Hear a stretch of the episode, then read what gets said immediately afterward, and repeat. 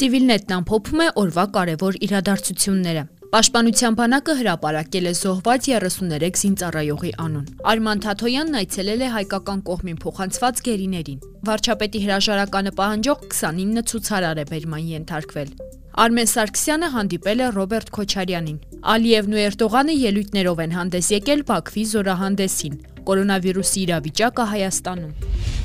Պաշտպանության բանակը հրապարակել է հայրենիքի պաշտպանության համար մղված մարտերում զոհված եւս 33 զինծառայողի անուն։ Ընդհանուր առմամբ սեպտեմբերի 27-ից մինչ օրս հրապարակվել է զոհված 1817 զինծառայողի անուն։ Մարդու իրավունքների պաշտպան Արման Թաթոյանն այցելել է հայկական կողմին 3 փոխանցված քաղաքացիական անձանց, որոնք գերեվարվել էին ադրբեջանական զինված ուժերի կողմից։ Այցի մանրամասները չեն հրապարակվելու։ Դեկտեմբերի 9-ին ռուսական կողմի միջնորդությամբ Ադրբեջանից Հայաստան են տեղափոխվել 3 հայ գերիներ։ Նրանք քաղաքացիական անձինք են։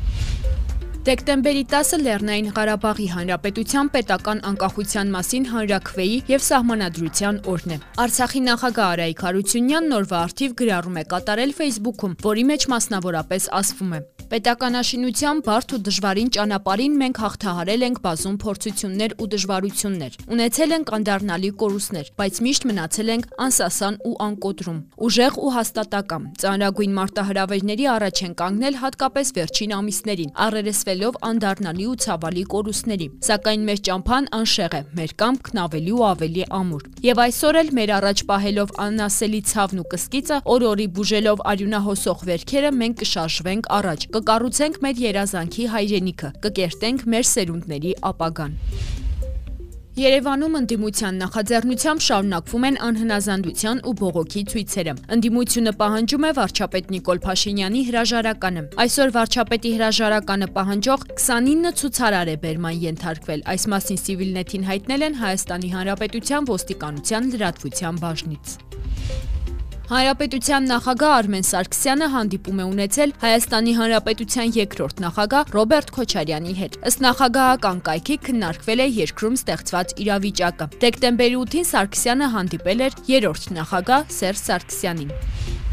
Դեկտեմբերի 10-ին Բաքվում անցկացվել է հաղթանակին նվիրված զորահանդես, որին մասնակցում է նաև Թուրքիայի նախագահ Ռեջեփ Թայիփ Էրդողանը։ Զորահանդեսում ներգրաված էր ավելի քան 3000 զինծառայող, ցուցադրվել է մինչև 150 միավոր ռազմական տեխնիկա։ Ալիևն ու Էրդողանը զորահանդեսից անմիջապես առաջ ելույթով են հանդես եկել։ Ալիևը հայտարարել է, որ պատերազմը բանակցությունների խաթարման եւ տապալման արդյունք էր, որի վառ ապացույցը ըստ Ալիևի Հայաստանի ղեկավարի Ղարաբաղը Հայաստանը եւ վերջ լուրջ արտահայտություններ։ Ալիևը դա համարել է անընդունելի, քանի որ այն հակասել է միջազգային իրավունքի բոլոր նորմերին, եւ դրանով Հայաստանը իրեն միջազգային իրավունքից դուրս է դրել։ Ալիևը հատկապես կարևորել է Շուշիի գրավումը, ընդգծելով, որ այն Ղարաբաղյան առաջին պատերազմի ժամանակ առաջինն էր գրավել հայկական ուժերի կողմից, իսկ ադրբեջանական բանակը դրանով վերջակետ է դրել։ Ալիևից հետո ելույթ է ունեցել Թուրքիայի նախագահ Ռեջեփ Թայիփ Էրդողանը, որը նախ ողջունել է ներկաներին եւ հատկապես Ադրբեջան Ադրբեջանի նախագահին։ Էրդողանը նշել է, որ Թուրքիան Ադրբեջանի հետ միասին վայելում է 44-օրյա պատերազմի արդյունքները, որով վերջ է դրվել շուրջ 30 տարվա